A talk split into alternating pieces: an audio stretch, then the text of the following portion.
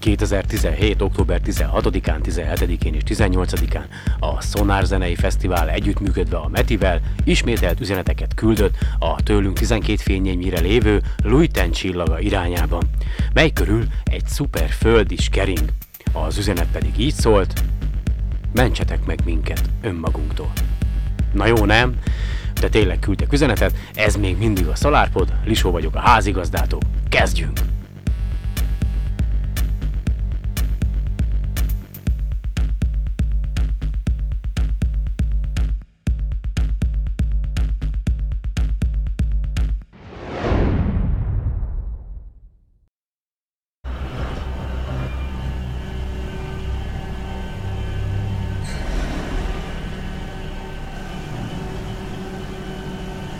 Since 1994, Sonar has been scanning the planet for the most advanced music on Earth. Now, to celebrate its 25th anniversary, the festival turns its antennas upwards, sending music into space in an attempt to make first contact with an alien civilization.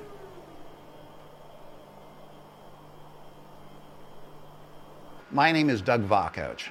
I'm the president of METI, an organization dedicated to messaging extraterrestrial intelligence. Thanks to sonar, and for the first time in the history of humanity, three transmissions have been sent to a specific and potentially habitable exoplanet, CJ 273b, circling a red dwarf called Leuchten Star, just 12.4 light years from Earth.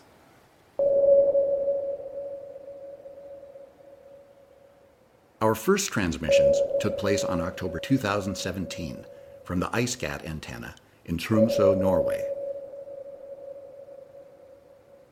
The messages included 18 pieces of music of 10 seconds each, created specially for the occasion by a selection of artists close to the festival. In April 2018, Sonar will send 15 more musical pieces from a selected group of artists. And this second set of transmissions will also be open to your participation because it'll include three selected musical pieces created by our audience.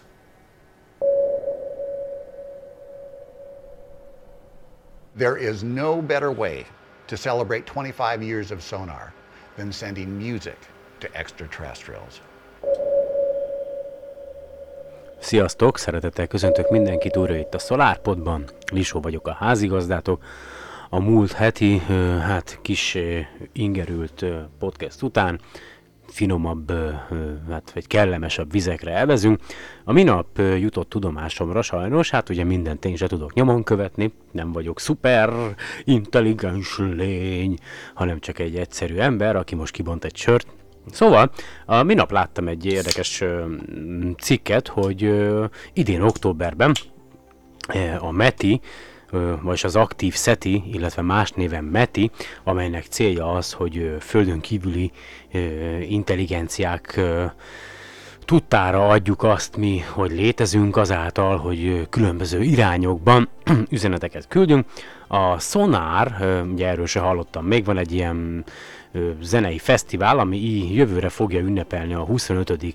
évfordulóját. Spanyolországban szokták ezt megtartani, ez a Sonar zenei fesztivál, egy ilyen elektronikus zenei fesztivál, szóval együttműködésben a Sonar zenei fesztivállal, illetve a, azt mondja, hogy IELC, ez ezt mondja, hogy hol van, Katalóniai ö, ö, űrtudományi intézet, tehát ezt kihagytam az elejéről, tehát a Katalóniai űrtudományi intézet, a METI, illetve ez az úgynevezett Sonar ö, zenei fesztivál, a kitalál, azt találta ki, hogy ismételtő üzeneteket küldünk, vagy küldünk mi emberek egy adott csillag körül keringő bolygó irányába, amely csillag a Luiten csillaga, ami azt mondja, hogy 12,36 század fényévnyire található, ami 3,79 parsec. Ja, igen, ez a parsec, ezt sokan szeretik használni, ez valami 3, akármennyi fényév, na mindegy. És, vagy négy, négy, ja, nem, ne, három egész valamennyi fényév a naptól, és a vizuális láthatóság, a magnitudója, az 9,9, ami túl halványát teszi magát ezt a csillagot arra, hogy szabad szemmel is látható legyen, viszont teleszkopokat ti is meg tudjátok figyelni innen a, az északi égboltról, mert a kis kutya csillagképben található, ami azt mondja, néztem a, a, a stelláriumot, hogy, hogy, hogy durván a hajnali órákban meg lehet már tekinteni, tehát van a, az Orion csillagkép, az Orion csillagképtől balra lefelé van a Sirius, és így felmentek Sréhen balra fölfelé, akkor lesz az úgynevezett, nem, biztos, hogy nem jól ejtem ki, Procyon csillag, és a Procyon csillagtól egy nagyon minimálisan azt mondja, hogy egy uh, 20 foknyira fölfelé jobbra uh, Hát most így nem is tudom, hogy hány ív perc, meg ív másodperc, meg nem mondom, ti is meg tudjátok nézni a Stelláriumba, megfigyelhető teleszkóppal ez az úgynevezett Luyten, uh, vagy Luyten csillaga, ami a G pontos J 273 jelölést kapta. Na és 2017 márciusában, erről is lemaradtam, jelentették be, hogy felfedeztek két bolygót, legalábbis eddig két bolygót e körül a vörös törpe körül keringeni, és a külső bolygó, amelyet G pontos J 273 kisbére neveztek el, egy szuperföld, és a vörös törpének a lakhatósági zónájában kering, ennek a bolygónak a tömege majdnem háromszorosa a Földének, és azt mondja, hogy hát nagyon közel kering a központi csillagjához, 9 század csillagászati egységre, mint tudjuk, ugye egy csillagászati egység a 150 ö, millió kilométer körülbelül, és azt mondja, hogy 10, majdnem 19 nap alatt, 18,65 század nap alatt kerüli meg a, a központi csillagját, úgyhogy viszonylag gyorsan ö, eltelne az életünk, hogyha, igen, na mindegy. És nem tudjuk még jelenleg, hogy van-e ott élet, vagy, vagy nincs egyáltalán intelligens élet, szinte még semmit se tudunk a, a bolygóról, hogy milyen az összetétele, atmoszférája, stb. De az biztos, hogy kőzetbolygó, és van még egy másik bolygó is, ami egy kicsivel beljebb kering, egyébként ez a G243b, ez a, a magának a csillagnak a lakhatósági zónájának a belső ö, részén kering. Ugye azt tudjátok, hogy ezek a vörös törpe csillagok a világegyetemben, vagyis hát a világegyetemben az eddig ismereteink szerint itt a tejúcrendszerben a legelterjedtebb csillagok. Ezek nagyon, de nagyon, de nagyon hosszú életű csillagok. A bennük lévő üzemanyagot, hidrogént, azt nagyon-nagyon okosan beosztva használják fel, és ezek a csillagok a, az életük kezdeti stádiumában nagyon aktívak, de ugye ahogy előre haladnak az időbe, úgy mérséklődik a belőlük kiáramló mindenféle anyag, amely esetleg a, a, a, a körülötte keringő bolygónak kialakult életet megsemmisíthetné, és a kutatók úgy hát arra jutottak, hogy ez a csillag, ez egy viszonylag nyugodt ö, csillag, tehát ö, ö, elképzelhető, hogy a körülötte keringő G 273B-n lehet élet, tehát hogy a bolygó lakható lehet a az általunk ismert élet, vagy tehát, hogy a, a bolygó alkalmas lehet arra, hogy az általunk ismert élet kialakuljon rajta, vagy, és van a másik bolygó, a G pontosség 273C, az pedig a kicsivel beljebb kering,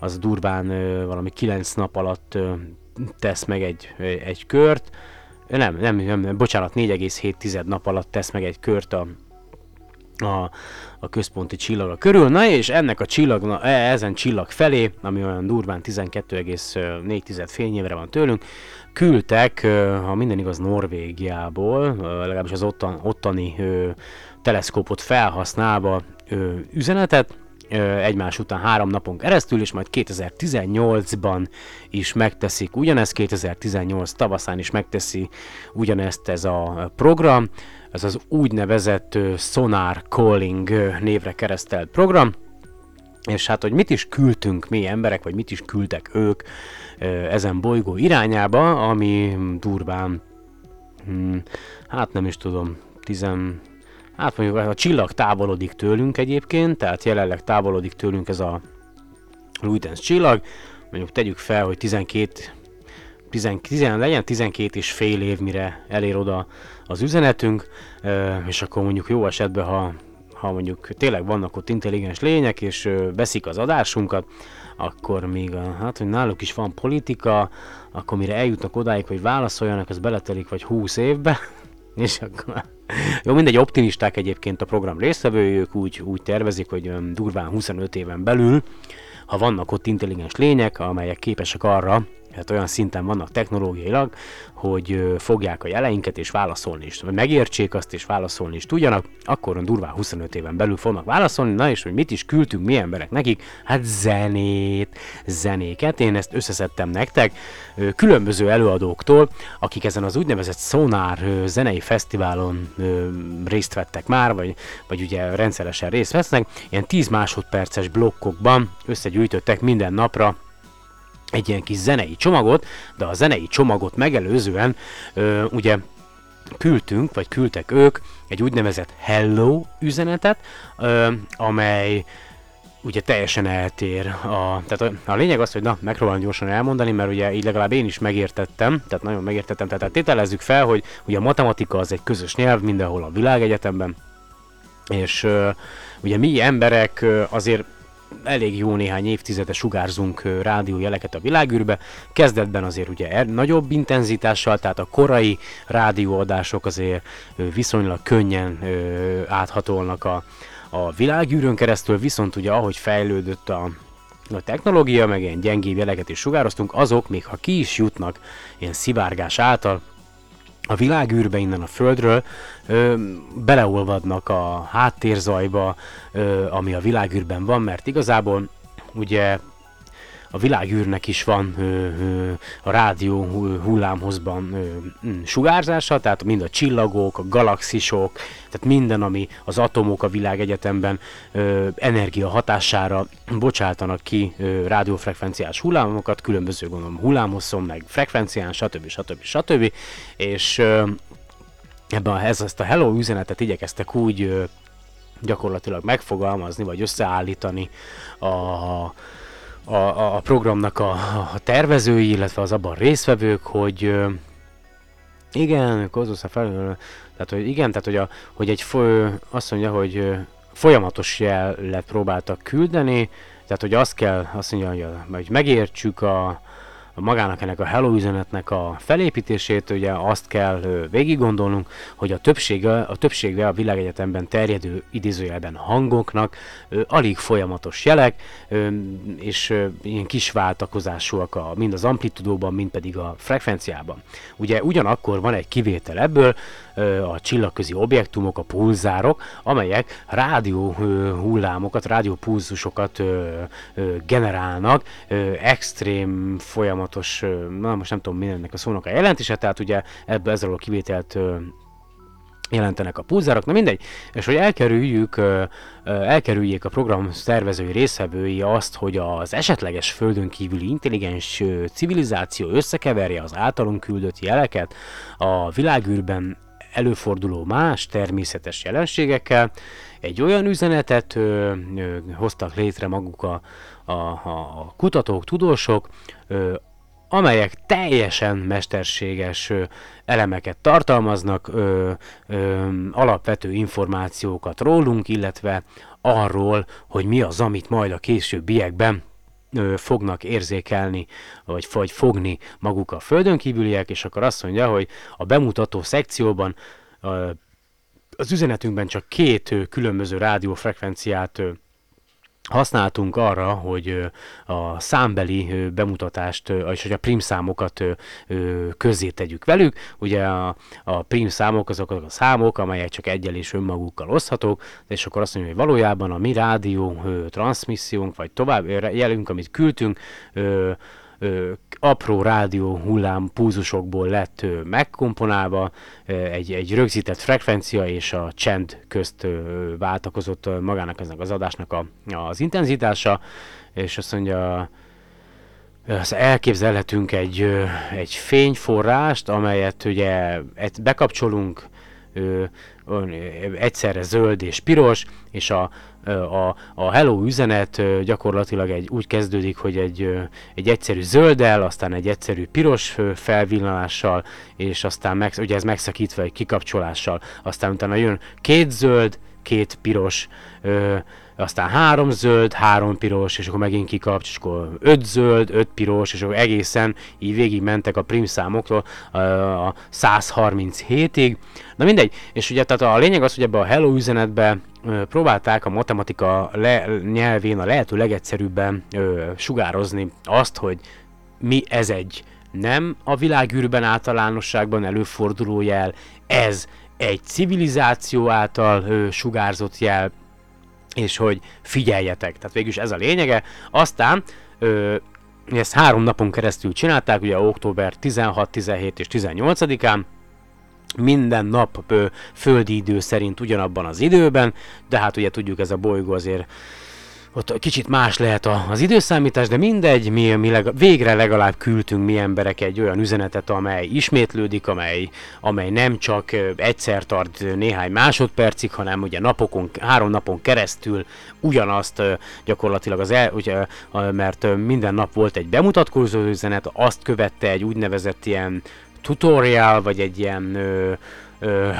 segédeszköz, amely, amely tartalmazta, hogyha a földön kívüliek, hogyha érzékelik a mi ö, zenénket, amit küldünk, azt ö, hogyan tudják majd ö, felismerni, dekódolni, végül is ez volt egy ilyen bemutató üzenetet küldtünk, hogy mi az, amit fogunk küldeni, és aztán ö, minden nap hat különböző előadótól egy ilyen 10 másodperces blokkot ö, sugároztak a fő, a, az esetleges intelligens civilizációnak, és aztán majd 2018-ban, 2018 tavaszán tervezik majd megismételni ezt az egészet áprilisban, és ebben a programban egyébként ti is részt tudtok venni, kedves hallgatók, hogyha mondjuk van saját zeneszámotok WAV formátumban, és mondjuk 10 másodpercet kivágtok belőle, akkor ti is feltölthetitek a, HT, a www.sonarcalling vagy sonarcalling.com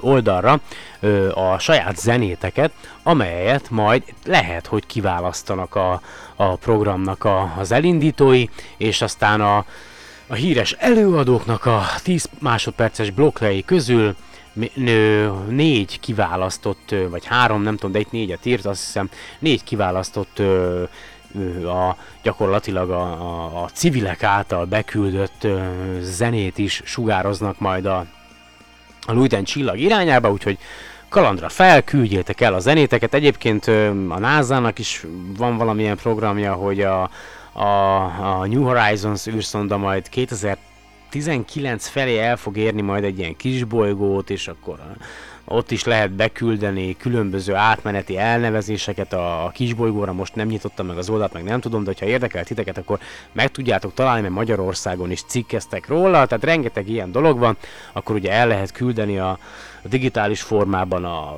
majd a 2018-ban induló, nem is tudom, Mars Mars, valamilyen Mars eszközre a neveteket is, az is a NASA oldalán van, azt is meg tudjátok nézni. Tehát azért rengeteg ilyen program van, amivel próbálják ugye felhívni a, a társadalom figyelmét ezekre a dolgokra, vagy inkább felkelteni az érdeklődést az irányába. Na mindegy, én ö, lementettem a, a Sonar, Sonar Calling oldalról a, különböző napokon, az adott napokon sugárzott ilyen zenei blogokat, hát elég érdekesek, van köztük Jean-Michel Zsár is egyébként, a 16-án ezzel kezdődött maga a sugárzás, tehát a, a hello üzenet és a, az introduction vagy bemutató üzenet után, és hát ha én egy tőlünk 12, akárhány 12,4 fényévre lévő földön kívüli lény lennék, aki ezen a bolygón él, ahogy gyanítom, azért jóval nagyobb a gravitáció, mint itt a mi bolygónkon, tehát jó erősebb lenne a csontozatom, meg jó lapos is lennék mondjuk, én lehet, hogy ilyen teknős béka formám lenne, jó, már ki tudja egyébként, mindegy, lehet, hogy ott úgy alakult ki az élet, vagy úgy alkalmazkodott, ha van egyáltalán élet, az ottani viszonyokhoz, mind a csillag által kibocsátott ö, mértékű fényhez. Egyébként ennek a csillagnak a felszíni hőmérséklet az durván 3100 Kelvin, a, a napé az meg közel van a 6000-hez. Ö, tehát, hogy igazából ez a csillag azért, hát, hogy mondjam nektek, a, a vörös irányba bocsátja ki a, a látható fény tartományába a sugárzását, tehát ott, ott, ott ugye az a körülötte keringő bolygókon ö, teljesen más lehet az élet, ö, ugye kisebb energiával is bír, mint a nap, és hát ezért lehet az, hogy igencsak közel keringő bolygókon ö, megfelelő lehet a hőmérséklet ahhoz, hogy mondjuk a bolygónak a felszínén a víz folyékony halmazállapotban is jelen legyen. Hát ugye azt tudjuk, hogy az olyan mostanában felfedezett, vörös törpék körül felfedezett bolygókról mindig azt feltételezik, hogy hát viszonylag kötött lehet a, a keringése, és az eleve ugye megnehezíti a, a, azt, hogy a, hogy a, a bolygó felszínén élet legyen, mert ugye a bolygónak az egyik oldala igencsak forró, míg a, a másik oldala az, az meg gyakorlatilag jóval hidegebb is. Szóval úgy nehezebb egyébként. Nálunk is ugye sok mindennek köszönhető, hogy kialakult az élet, de ebben biztosan szerepet, biztosan szerepet játszik az, hogy, hogy a Föld ugye a saját tengelye körül megfordul, és nem lapos, ugye, és ugye a hold is, maga a Föld keringésének a és a sölt, tehát hogy a, a napsíkjához viszonyított ugye dőlésszöge a saját tengelyek körül van egy ilyen 20 akárhány fokos eltérés, ez pedig abban segít, hogy a, a bolygónkon az évszakok kialakultak, tehát itt mi, mi tényleg baromira szerencsések vagyunk, és egyébként tönkre vágjuk ezt a bolygót. Uh, tehát, hogy tehát, bizt, tehát, hogy olyan jó lenne, hogyha mondjuk egy, ha tényleg bizonyítékot találnánk arra, hogy más körülmények között, más tömegű bolygón, egy ilyen vörös törpe körül nehezebb körülmények közt is kialakult az élet, akkor, akkor, akkor nem tekintenénk magunkat igazából annyira különlegesnek, és aztán rájönnénk, hogy, hogy az élet tényleg mindenhol jelen van a világegyetemben. Sokan félnek egyébként ettől, hogy, hogy mi emberek üzeneteket küldünk a végtelenben. Én, hogy őszinte legyek, én annyira nem fosok, mert hogyha tehát hogyha egy olyan civilizáció fogná a jelünket, amely képes a csillag, csillagok, csillagközi utazásra, tehát annyira fejlett, hogy, hogy képes ide eljutni mondjuk rövid időn belül, attól a, az a civilizáció szerintem már túljutott azon, a szinten, ahol jelenleg mi vagyunk, tehát szellemileg sokkal magasabb szinten lehet, és lehet, hogy nem is akarnak ide jönni, mert úgy gondolják, hogy mi egy ilyen primitív, primitív faj vagyunk, és hogy igazából nem sok értelme van velünk foglalkozni. Nem hinném, hogy le akarnának minket igázni, mert ha, ha, el, ha túljutottak azon a ponton, ahol most mi vagyunk, hogy nem pusztították el saját magukat a saját maguk által létrehozott fegyverekkel, akkor szerintem szellemileg sokkal magas, magasabb, magasztosabb, igen, ezt akartam mondani, szinten vannak, mint mi. Ö, teljesen más, hogy látják a, a világegyetemet, és szerintem ők már fejben egyé váltak az egész univerzummal, és sem hiszem, hogy velünk foglalkoznának. Ha pedig olyan civilizáció fogja jelünket, a, ami mondjuk hasonló szinten van, mint mi, akkor soha büdös életben nem fognak ide eljutni. Uh, úgyhogy igazából szerintem nem kell félni ettől, inkább örülni kéne annak, hogy, hogy megtesznek bizonyos emberek, bizonyos csoportok mindent azért, hogy, hogy felkutassák az esetleges földön kívüli életet, és ha már üzeneteknél tartunk, mielőtt bejátszanám egyébként a zenéket, amiket küldtek a, a maguk a, vagy mi innen a földről, de már eltértem a témától, mert belekezdtem egy gondolatban, na mindegy, Szóval, tehát hogyha én ott élnék azon a bolygón, és ezeket a zenéket meghallanám, ugye, és képzeljétek el, hogy ott vagyok, és akkor megérkezik az üzenet 12 és fél év múlva, és akkor főnök, fő, főnök, főnök, vala, valamit fo, fogtunk, főnök, főnök, mi,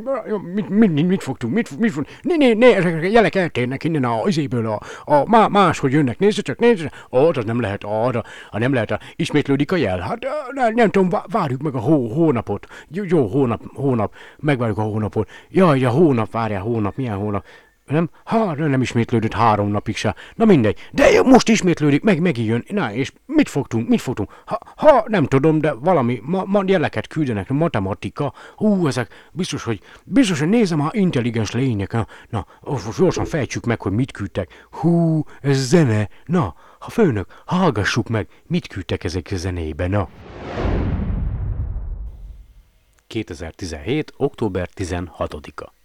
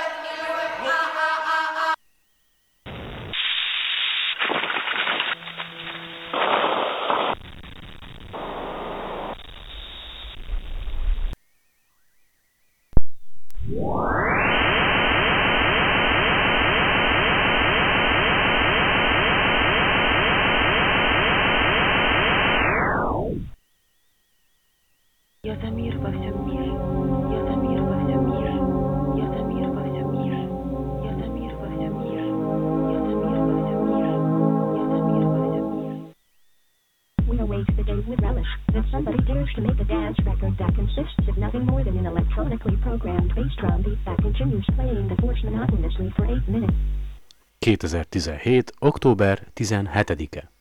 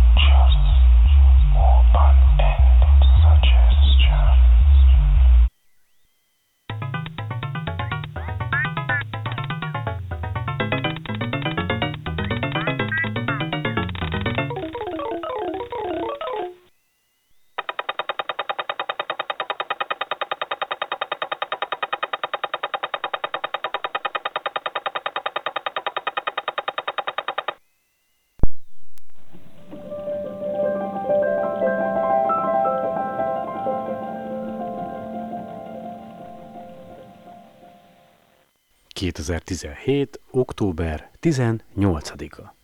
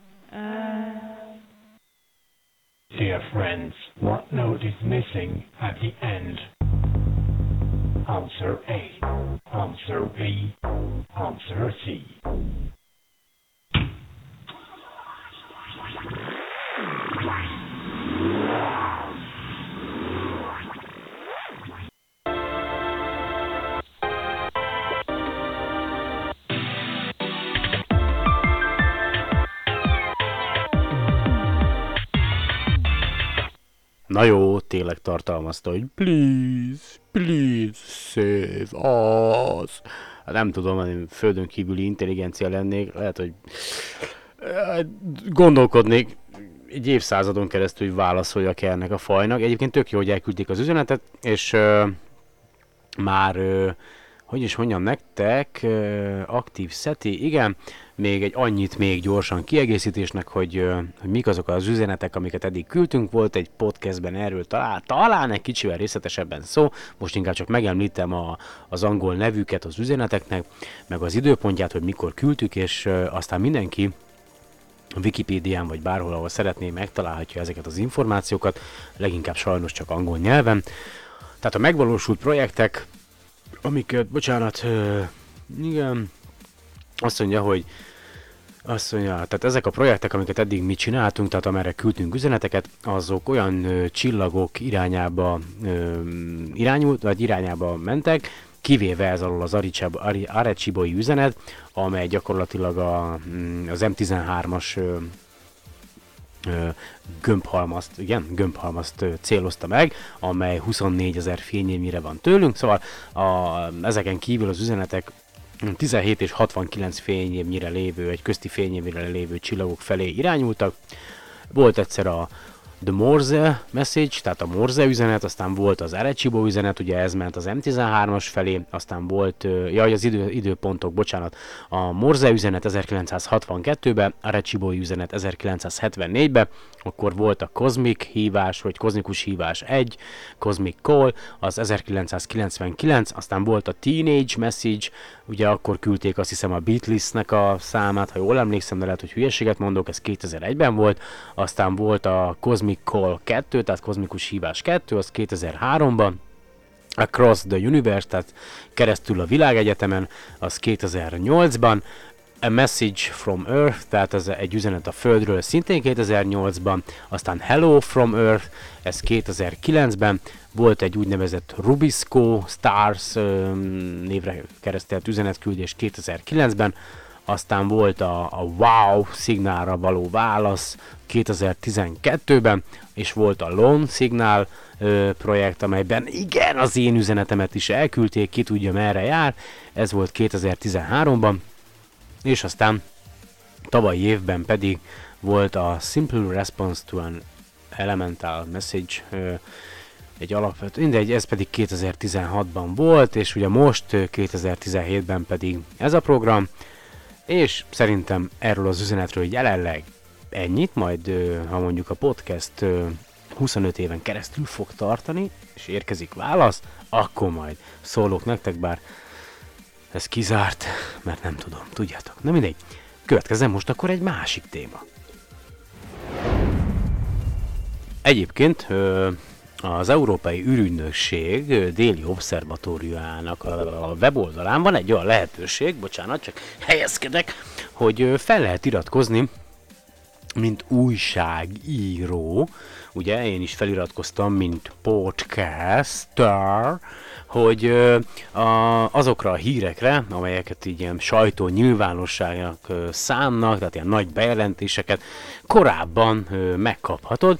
Néhány nappal korábban értesülhetsz a bejelentésekről, és tehát így történt ezen a héten is. Én bő három nappal korábban megkaptam egy hírt, amely 2017. november 15-én jelent meg az Európai űrügynökség déli obszervatóriumának az oldalán, mi szerint azt mondja, hogy a legközelebb closest, nem mindegy, szóval felfedeztek egy tőlünk ö, 11 fényévnyire lévő csillag körül egy föld méretű bolygót, amely megfelelő hőmérséklettel rendelkezik, rendelkezhet.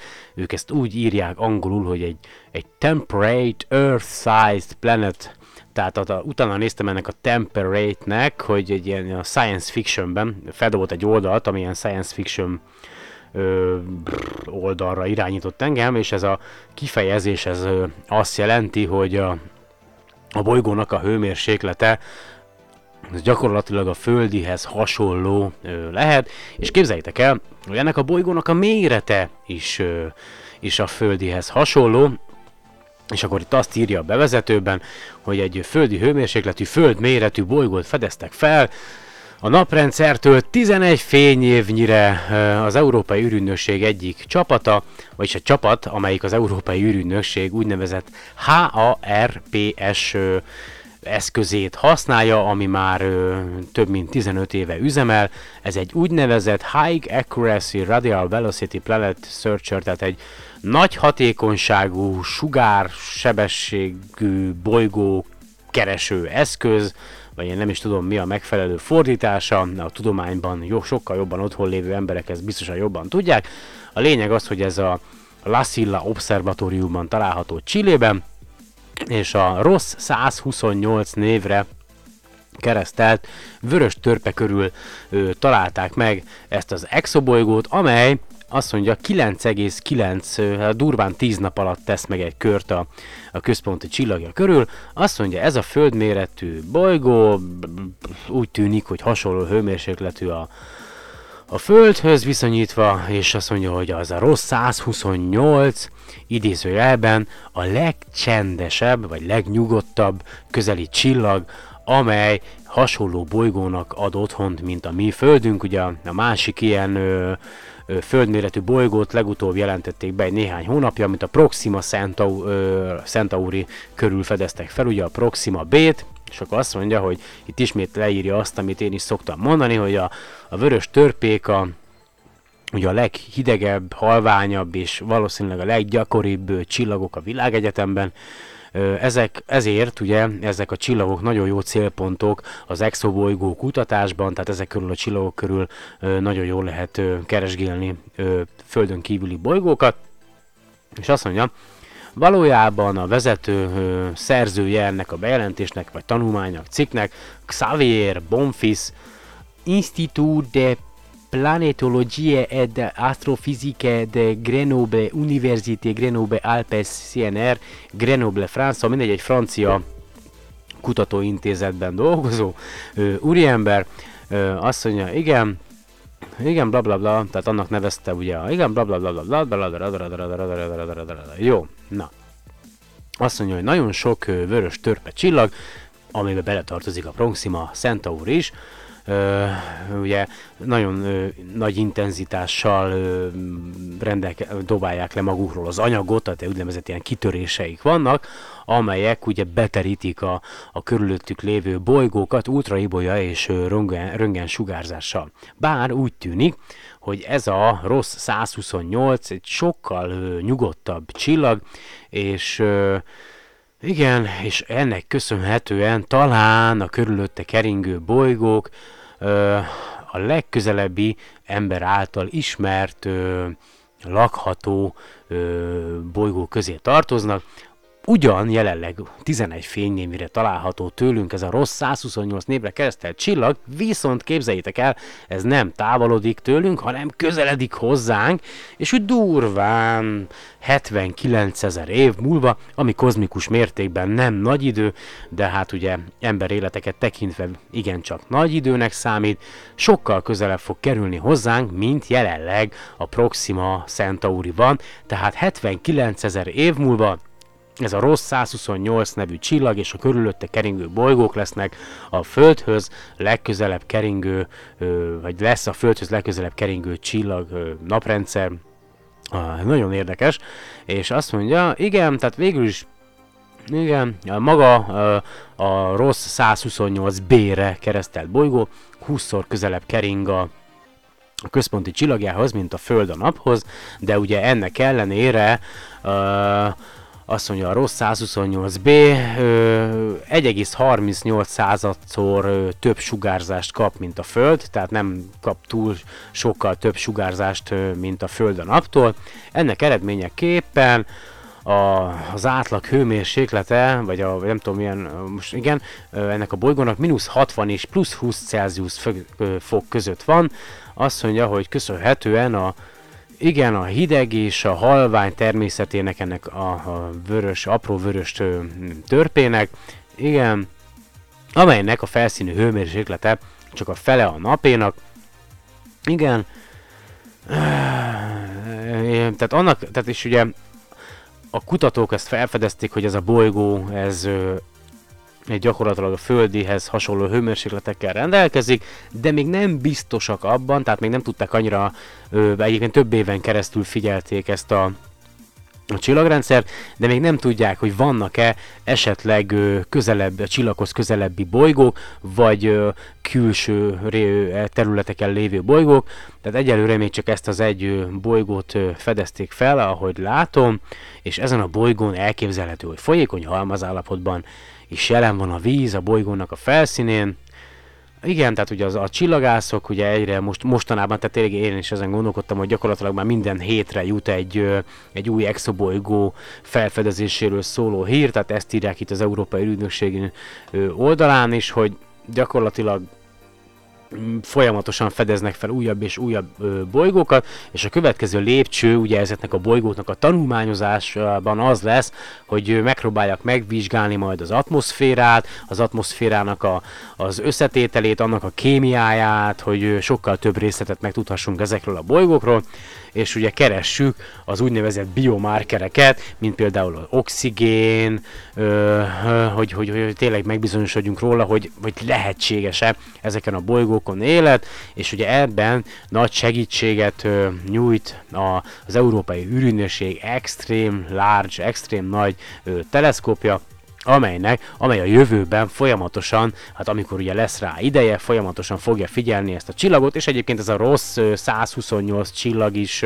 megfigyelhető innen tőlünk, hajnalok hajnalán, keleti égbolton egyébként szintén látható, azt, ezt, ezt viszont nem néztem meg, vagy váratok, hogy mihez van közel, de ezt is, hogyha ti is rákerestek a Stellariumba, vagy akármelyik csillagászati alkalmazásban úgy, hogy ROSS szóköz 128, akkor fel fogja dobni, hogy éppen hol van az aktuális pozíciója, és hogyha mondjuk előre tekertek a, a csillagászati alkalmazásban, akkor látni fogjátok, hogy hány óra, hány perckor lesz látható innen a, a Ó, hát innen, ahol mi élünk az égbolton, bár a napokban nem biztos, hogy meg tudjátok figyelni, mert elég borongós az idő, de ha szeretnétek megfigyelni teleszkóppal, akkor megtehetitek, és én itt le is zárom ezt a bolygó felfedezési témát, egy nagyon érdekes dologra bukkantam. Bizonyára ugye a múlt legutóbbi adásban volt a műsornak a végén egy bejátszásunk, még tavaly beszéltem a Nándival, és megvan a műsor, amit én majd jó bő 6 évvel ezelőtt, vagy 7 évvel ezelőtt láttam, a planetáriumban, ennek az a neve, hogy a, a csodálatos Univerzum 3D, az első Magyarországon készített műzé 3D-s moziműsor, hamarosan a moziban le is töltöttem a Youtube-ról egyébként a, a bemutató videónak a hanganyagát, azt majd nektek be fogom játszani, hogy egy ti is egy kicsit mosolyogjatok, és azért megnyugtató volt a tény, hogy ugye én azt mondtam róla, hát nem a legjobb volt ezt nézni ott a planetárium kupoláján egy ilyen asztali PC-nek a projektorán, a falra vetítve, és, és, és tényleg jó volt látni, hát vagy inkább nem tudom, tehát hogyha abból a szempontból jó volt látni mások negatív véleményét is, mert egyébként van a port.hu oldalon néhány negatív vélemény 2011-ből, Ö, szóval abból a szempontból jó volt ezeket olvasni, hogy, hogy oké, okay, mégsem én vagyok a hülye, mégsem én vagyok ö, szemétláda, hanem az van, hogy azok az emberek, akik egy kicsit próbálnak napra készek lenni abból, hogy a, a bolygónkon esetleg más országokban mi zajlik, merre, hogyan tart a fejlődésünk, mind technológiailag, mind egyéb szinten, tehát akik egy kicsit, kicsit ki tudnak szakadni ebből a fantasztikus, dübörgő magyar valóságból, azok valóban látják, hogy az, ami itthon zajlik, az, amit itthon próbálnak csinálni, az messze-messze-messze elmarad a, a, a bolygó fejlettebb részeitől, és akkor itt van egy ilyen nagyon szép kis megjegyzés, azt mondja, 2011. július 16-áról. Mi ma néztük meg ezt a filmet a planetáriumban. Véleményem szerint kritikán aluli. A nyakunk most is fáj a kicsavart testtartástól, mert oldalra és felfele kellett nézni, hogy élvezhető legyen a műsor. Ez még nem is a film hibája, ha a projektort fél méterrel lejjebb állítják, picit elviselhetőbb lett volna. Az egész film olyan, mintha a 70-es években készítették volna, rendkívül idegesítő az alatta lévő zene, ami egyébként azt hiszem legalábbis a bemutatóban Jean-Michel Zsár, de nem is emlé- mind, mind, mintha ilyen, ilyen, nagy, tényleg ilyen nagyon régi zenék mentek a, a film alatt.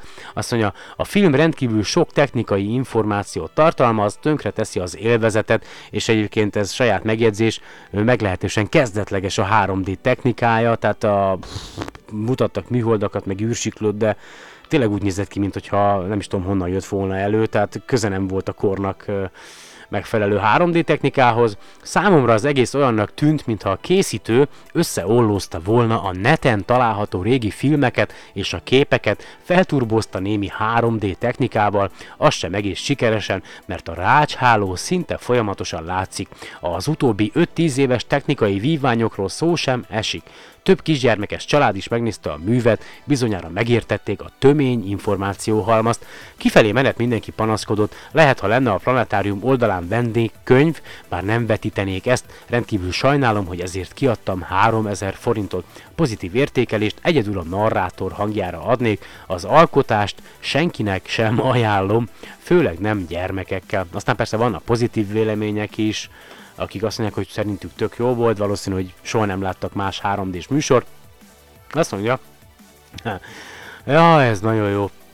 Azt mondja, én ezért nem lennék ilyen szigorú, Személy szerint nem bántam meg, hogy megnéztem, egyetemet végzett felnőttként is tudtam meg belőle számomra új dolgokat, ugyanakkor a mögöttem ülő kb. 10 éves gyerek is megtalálta magának azt a szemléleti módot, amelyel hallhatóan élvezni tudta, ha nyilván nem is értett minden. Azt is durva túlzás állítani, hogy köszönő viszonyban sincs a 3D-vel, egyébként köszönő viszonyban sincs a 3D-vel, de eltéren még nyilván van mit fejlődni. Én a West Endben láttam, ahol soha nem volt gondolom a 3D minőségével, de az animációk tényleg a legtöbb helyen szellemképesek voltak, aminek mindenképpen rá kellene jönni az okára és javítani kéne. Ezen kívül még egy tanácsom lenne az alkotó számába, számára a jövőbeni hasonló filmekhez, míg 2D-ben gyakran távolodó kamera mutat látványosabban változó képet a csillagrendszerekről, addig 3D-ben a közeledés tud csak jól működni, mert a szem távolra könnyebben be tudja fókuszálni a térbeli képet, és a közeledés során korrigálva jut el, a kézzel is meg tudnám érinteni élményhez. Nem véletlen, hogy a 3D a holdaknál működött legjobban, bár ott sem sikerült 2-3 méter méternél közelebbének látni magamhoz a felszín, pedig tényleg azt vártam volna, hogy meg tudom majd érinteni az égitesteket. A következő film előzetesét látva azt hiszem van a téren fejlődés, de ott meg egy pontos, a közeledés túl gyors volt ahhoz, hogy követhető legyen fókuszálással. Mindazonáltal szerintem azt is meg fogom nézni. Azt mondja, Egyetértek Kap Chaps véleményével, nagy izgalommal ültem be a moziba, elrángatva a barátomat is a betítésre, de majdnem kijöttünk a felénél, annak ellenére, hogy egyébként is rövid volt. Teljesen más zenéket és hanghatásokat tettem volna bele, profibb animációkat kellett volna kitalálni, érthetőbbé, pörgősebbé kellett volna tenni. Sajnos ehhez semmi érzéke nem volt a szerzőnek, annak ellenére, hogy egy nagyon izgalmas témát igyekezett vászorra vinni. Igazi profi megoldásban megnézném ismét, hajrá! Hát igen, azt mondja, képtelen vagyok megállni, hogy ne írjak róla kritikát, az én objektív véleményem a 3D-vel köszönő viszonyban Campona Palace Cinema ott nézték meg, nincs. Olyan Pirks kapitán stílus, gyerekeknek érthetetlen, felnőtteknek érdektelen, olyan, mintha az óvoda, iskola és egyetem tudása váltakozna benne összefüggéstelenül, szigorúan amatőr munkának lehet tekinteni, mindezek mellett a készítő dicséret illeti, be kéne már látni, Magyarországon nincsenek meg a feltételei ilyen munka, profi elkészítésének sajnos nem éri meg a mozi egy árát, és ez 2010. szeptember 26-ai vélemény, Azóta szerintetek mi változott? Mi? Nem már. Tényleg semmi. Ah, francba kigondolta volna mi, és meg én vagyok a hülye bunkó paraszt. Na mindegy. Ö, majd bejátszom nektek szerintem mindjárt a, a, ennek a csodálatos 3D univerzumnak a, a, a, a, az ilyen előzetesét. jót nevettem rajta, amikor megláttam. Én nem azt mondom, hogy jobbat tudok csinálni, mert nem tudok jobbat csinálni, de ha mondjuk ez lenne a szakmám, és ezt tanulnám, akkor gyanítom, hogy a, a legújabb eszközökkel biztosan meg tudnám csinálni, de nem ez a szakmám, nem ezt tanulom, ezért nem tudom ezt megcsinálni, tehát lehet nem kell nekem nekem szegezni a dolgot, én csak arra akartam rávilágítani, hogy hála az égnek abban, amit mondtam, van némi igazság, nem csak én láttam kicsi elavultnak és ósdinak ezt az egészet. Úgyhogy még valamiről akartam, vagy szerettem volna beszélni. Ja igen, könyvfelolvasás. Na jó, akkor előbb jöjjön az előzetes, most már mindjárt 50 percnél vagyunk, azt bejátszom nektek, és akkor utána pedig felolvasok egy keveset, szintén Asimovtól, még mindig a most a Robbanó Napok című könyvből, azért, hogy ha már úgyis beszéltünk a vörös törpékről, van egy rövidke fejezet, amelyben nagyjából elmagyarázza, hogy milyen méretű fajta csillagok milyen kategóriában és miért tartoznak, de ez majd a csodálatos Univerzum 3D bemutatója után következik. Vagyis előzetese után elnézést.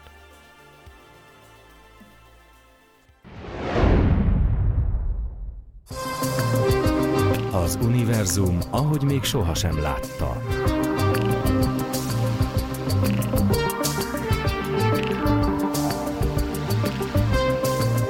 Holdak egészen közelről.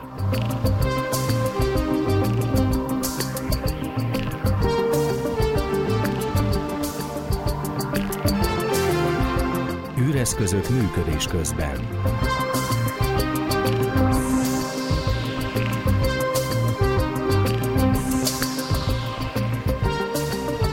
Információk, amiket érdemes tudni.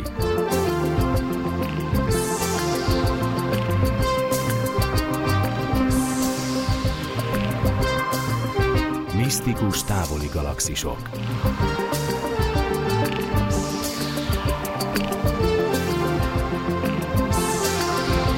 Kérdések, amiket megválaszolunk.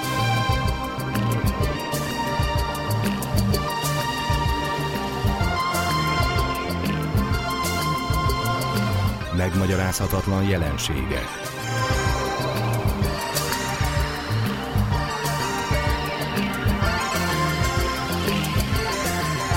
Tévhitek, amiket eloszlatunk.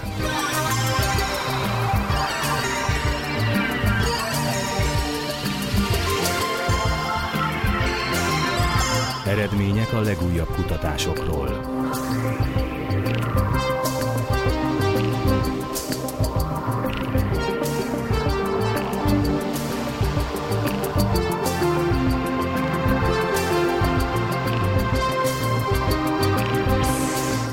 Gigantikus kozmikus képződmények. Mindez az első Magyarországon készült háromdimenziós filmben. A csodálatos univerzum.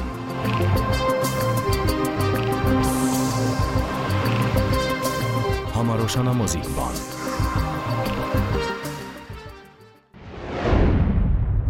Bú, nem tudom, ti hogy vagytok vele, de nekem egy kissé elegem van abból, hogy az esetek többségében mindent, ami gyenge minőségű, úgy akarnak eladni, hogy nemzeti magyar termék. Na, de most egy kis Asimov jöjjön 1990-es évekből. Azt mondja, hogy a Robbanó Csillagok című könyvében található a következő fejezet. Kis és nagy csillagok. A napenergia. Ha belegondolunk, hogy egy nóva néhány napra százezer szeresére növeli a luminozitását, mármint a fényességét, azt is érzékelnünk kell, milyen hatalmas mennyiségű energiát bocsát ki az űrbe. Egy átlagos nóva a csúcspontján egy nap alatt sugároz ki annyi energiát, amennyit a nap, nap fél év alatt. Honnan származik ez az energia? Mielőtt erre válaszolnánk, azt kell megkérdeznünk, honnan nyeri energiáját maga a nap. A nap 4,6 milliárd éve ragyog többé-kevésbé úgy, mint ma. Ennyi idő alatt hihetetlen mennyiségű energiát használt el, és még most is süt, sőt ez további 5-6 milliárd évig ugyanígy fogja folytatni. Miből ered mindez az energia? Az 1800-as évek közepéig senkit nem izgatott különösebben ez a kérdés. Az ókoriak és a középkoriak úgy gondolták, a nap valamilyen különleges égi anyagból van, amely egyszerűen rendelkezik azzal a képességgel, hogy világítani bír. A földi dolgok idővel mind tönkre mennek, ő viszont sohasem szűnik meg fényleni. És azt sem tudták, hogy a nap ennyire öreg. Úgy hitték, mindössze néhány ezer éve világít. Ahogy teltek az 1800-as évek, a tudósokat egyre inkább nyugtalanítani kezdte a dolog, már nem hittek abban, hogy az égitestek kémiai összetétele alapvetően különböznék a Földétől.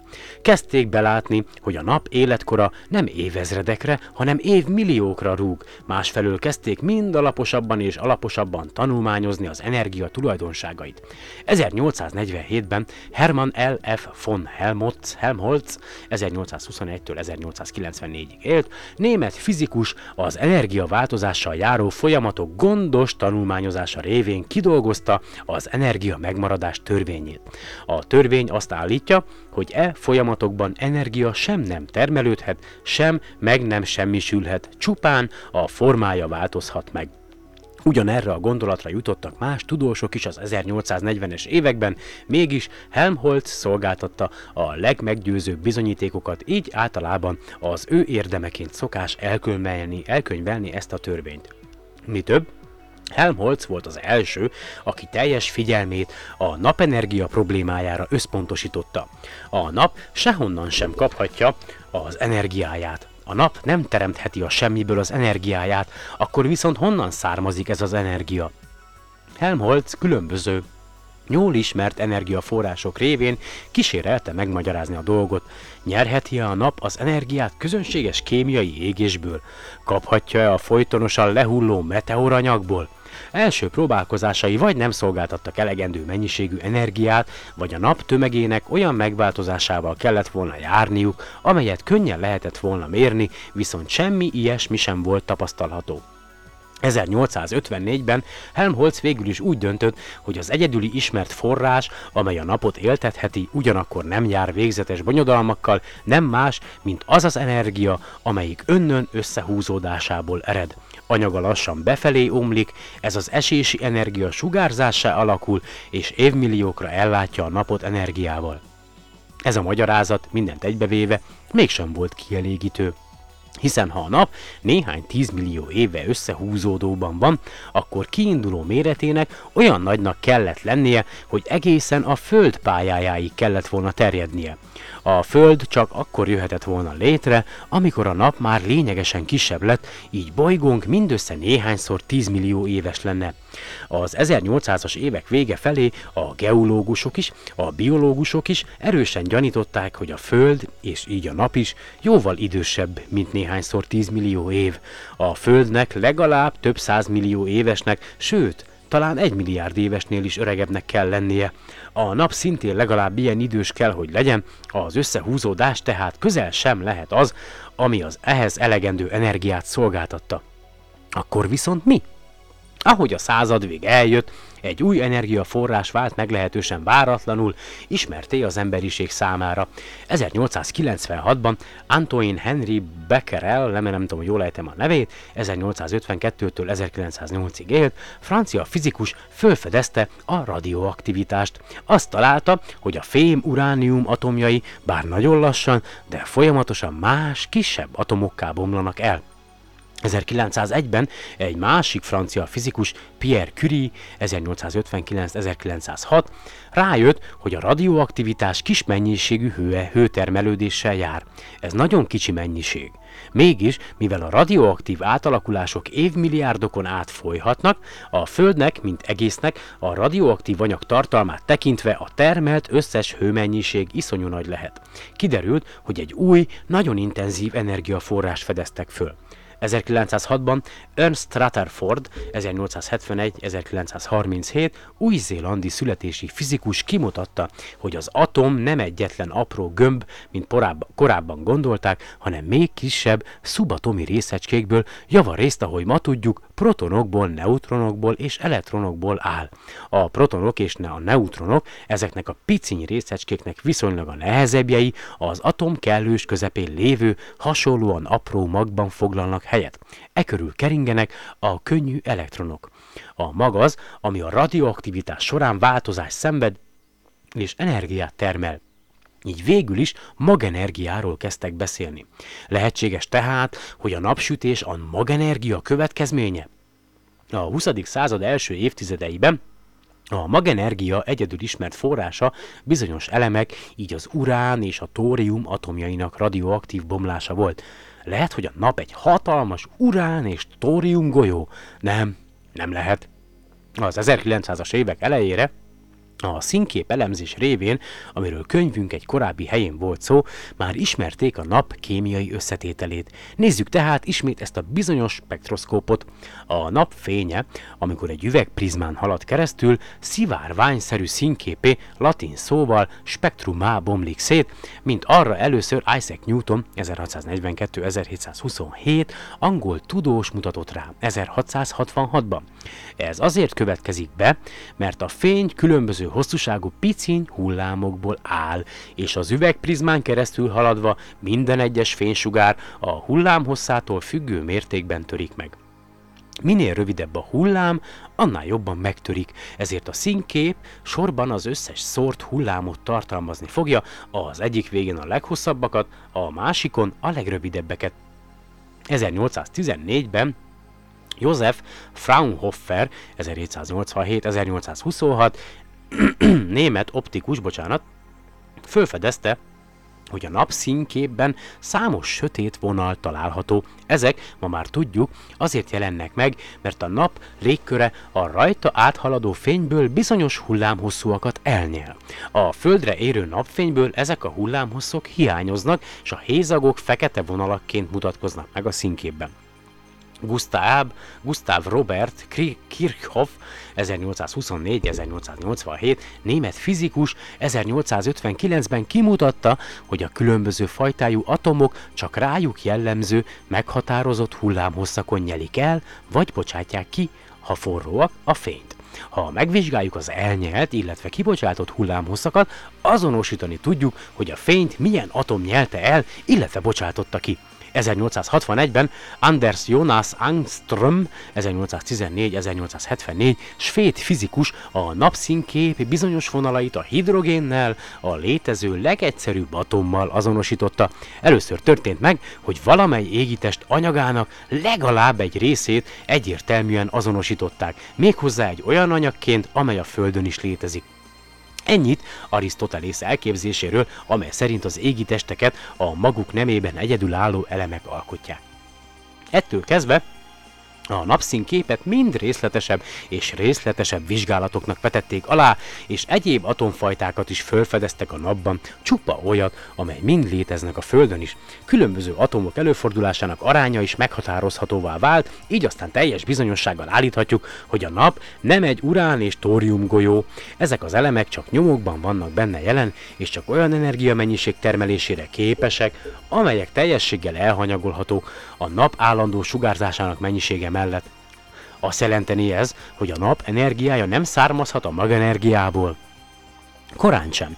1915-ben egy amerikai kémikus William Draper, Draper Harkins, bocsánat, 1873-1951 olyan elméleti megfont, megfontolásokkal állt elő, amelyek azt föltételezték, hogy a közönséges radioaktivitáson kívül számos más magátrendeződés is járhat energiafelszabbadulással. Közelebbről kimutatta, hogy az egyik szokatlanul nagy mennyiségű energiát létrehozó magátalakulás az, amikor négy hidrogénmag egyetlen hélium maggá egyesül. Föltételezte, hogy ez a mai nevén hidrogénfúzió szolgáltatja a nap energiáját. Problémát csak az okozott, hogy a Földön a radioaktivitás spontán módon megy végbe, és nyilván ugyanilyen spontán módon menne végbe a napban is, az urán hasadás így módon kézzelfekvő energiaforrás volna, ha a napban elegendő urán lenne. A hidrogénfúzió viszont nem megy végbe közönséges körülmények között, hanem rendkívül magas hőmérsékletet igényel. Akkor a hőmérsékletet, amelyet még a nap izzó felszínesen biztosíthat. Az 1920-as években Eddington azt a kérdést tette föl, vajon miért nem roskad össze és zsugorodik apróbá a nap a saját óriási gravitációs vonzásának hatása alatt. Az egyetlen erő, amely kiterjedését képes a gravitáció ellenében fenntartani, a hő és Eddington kiszámította, milyen forrónak kell lennie a nap belsejének ahhoz, hogy tényleges méretét megőrizhesse. Kiderült, hogy ehhez több millió fokos hőmérséklet szükséges. A nap középpontjának jelenleg elfogadott hőmérsékletértéke 15 millió Celsius fok. Tovább menve, 1929-ben Henry Norris Russell 1877-1957 amerikai csillagász minden addiginál nagyobb részletességgel megállapította a nap összetételét.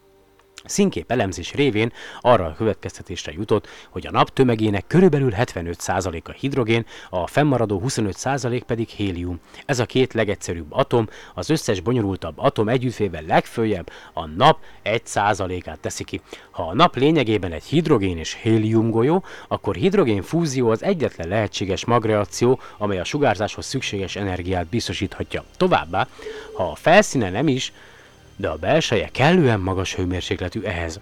1938-ban Hans Albrecht Bett, 1906, ö, akkor még élt, hál' Istennek, amikor a könyv íródott, nem tudom, hogy most éle még. Német, á, már nem, már nem, á, az már, már száz, ú, na mindegy, jó, már nem él. Német-amerikai fizikus számításba véve a nap összetételét, a középponti hőmérsékletét kidolgozott egy észszerű mechanizmust arra, hogy mi is történik a nap közelé, közepében.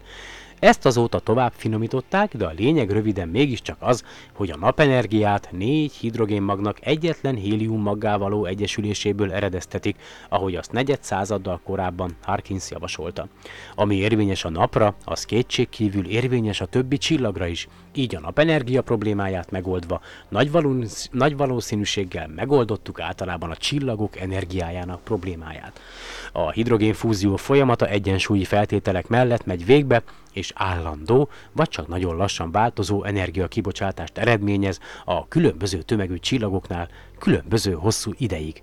Minél nagyobb egy csillag tömege, annál több hidrogén tartalmaz, de annál több hő is szükséges ahhoz, hogy önmaga nagyobb gravitációs vonzásával szemben megtartsa a méretét. Ahogy a tömeg nő, a kereslet meghaladja a kínálatot, ezzel azt akarjuk mondani, hogy egy nagy csillag nagy üzemanyag készlete gyorsabban használódik el, mint egy kis csillag kis üzemanyag készlete.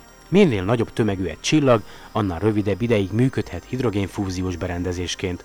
A nagyobb tömegű csillagok olyan gyorsan használják el üzemanyagukat, hogy mindössze néhány millió évig maradhatnak meg normál csillagoknak. A jóval kisebb csillagok viszont olyan ügyesen gazdálkodnak kisebb hidrogénkészletükkel, hogy akár 200 milliárd évig is megélhetnek belőle. A nap, amely tekintetben közepes csillag, akkora hidrogénkészlettel rendelkezik, hogy 10-12 milliárd évig maradhat fent. Most 4,6 milliárd éves, így még normál csillagként várható életének delelőjét sem érte el. Az életciklusuk ezen stádiumában lévő csillagokat fősorozatbelieknek szokták nevezni, a nap egy fősorozatbeli csillag, csak úgy, mint az égen látható csillagok közel 85%-a. És ugye itt a könyvben van ez a 75-25% összetétel elírás, lehet, hogy ez csak egy elírás, tök mindegy, akkor írt 24-et, mindegy. Szóval megnézem gyorsan nektek, hogy ö, azt mondja, hogy huha, azt mondja, hogy Hans, Hans Albert Brechtet, hogyha vártok egy percet, de hát miért ne várnátok, hova mennétek, ugye? Azt mondja, hogy ö, Hans Albert Hans Albert uh, Albrecht, bocsánat, Han, nem. Aj, hülyeséget írok. Al, Albrecht Albrecht, megvan Han, Hans Albe, Albrecht, igen, Hans Albrecht Beth. Beth. Eh, megvan, Hans Beth, megvan, mindjárt mondom nektek. Hú, nehéz szülés volt. 2005. március 6-án távozott el tőlünk. Ö, igen. Hm.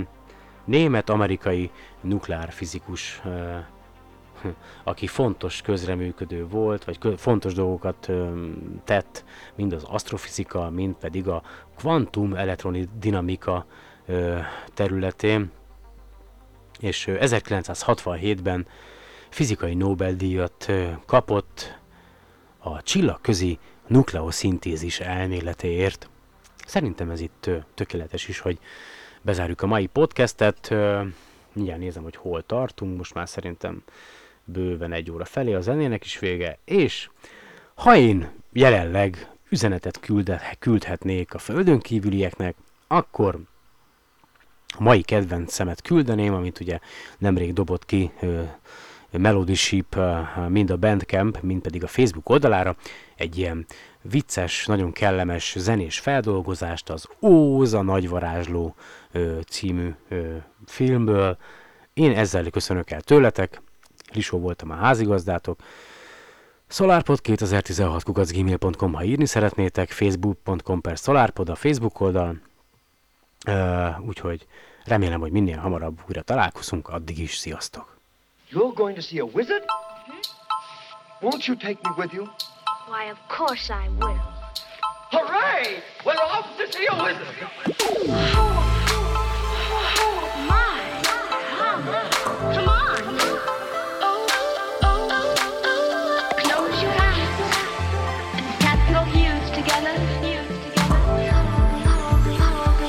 Follow the yellow brick road. We're on our way to see the wizard. To get hear